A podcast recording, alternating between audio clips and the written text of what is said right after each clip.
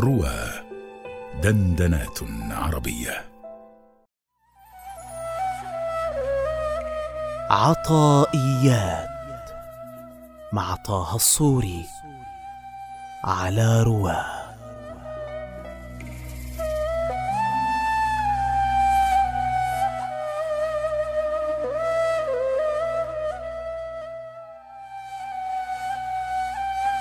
أجهل الناس من ترك يقين ما عنده لظن ما عند الناس.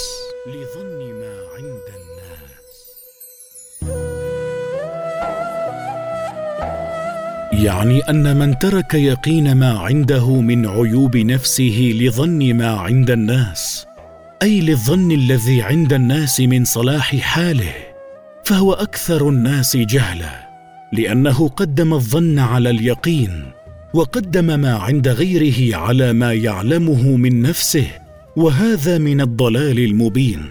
وقد حكي أن بعض الحكماء مدحه بعض العوام فبكى فقال تلميذه أتبكي وقد مدحك؟ فقال له إنه لم يمدحني حتى وافق بعض خلقي خلقه فلذلك بكيت فانظر بعين بصيرتك. فقد نبهك الحكيم العليم.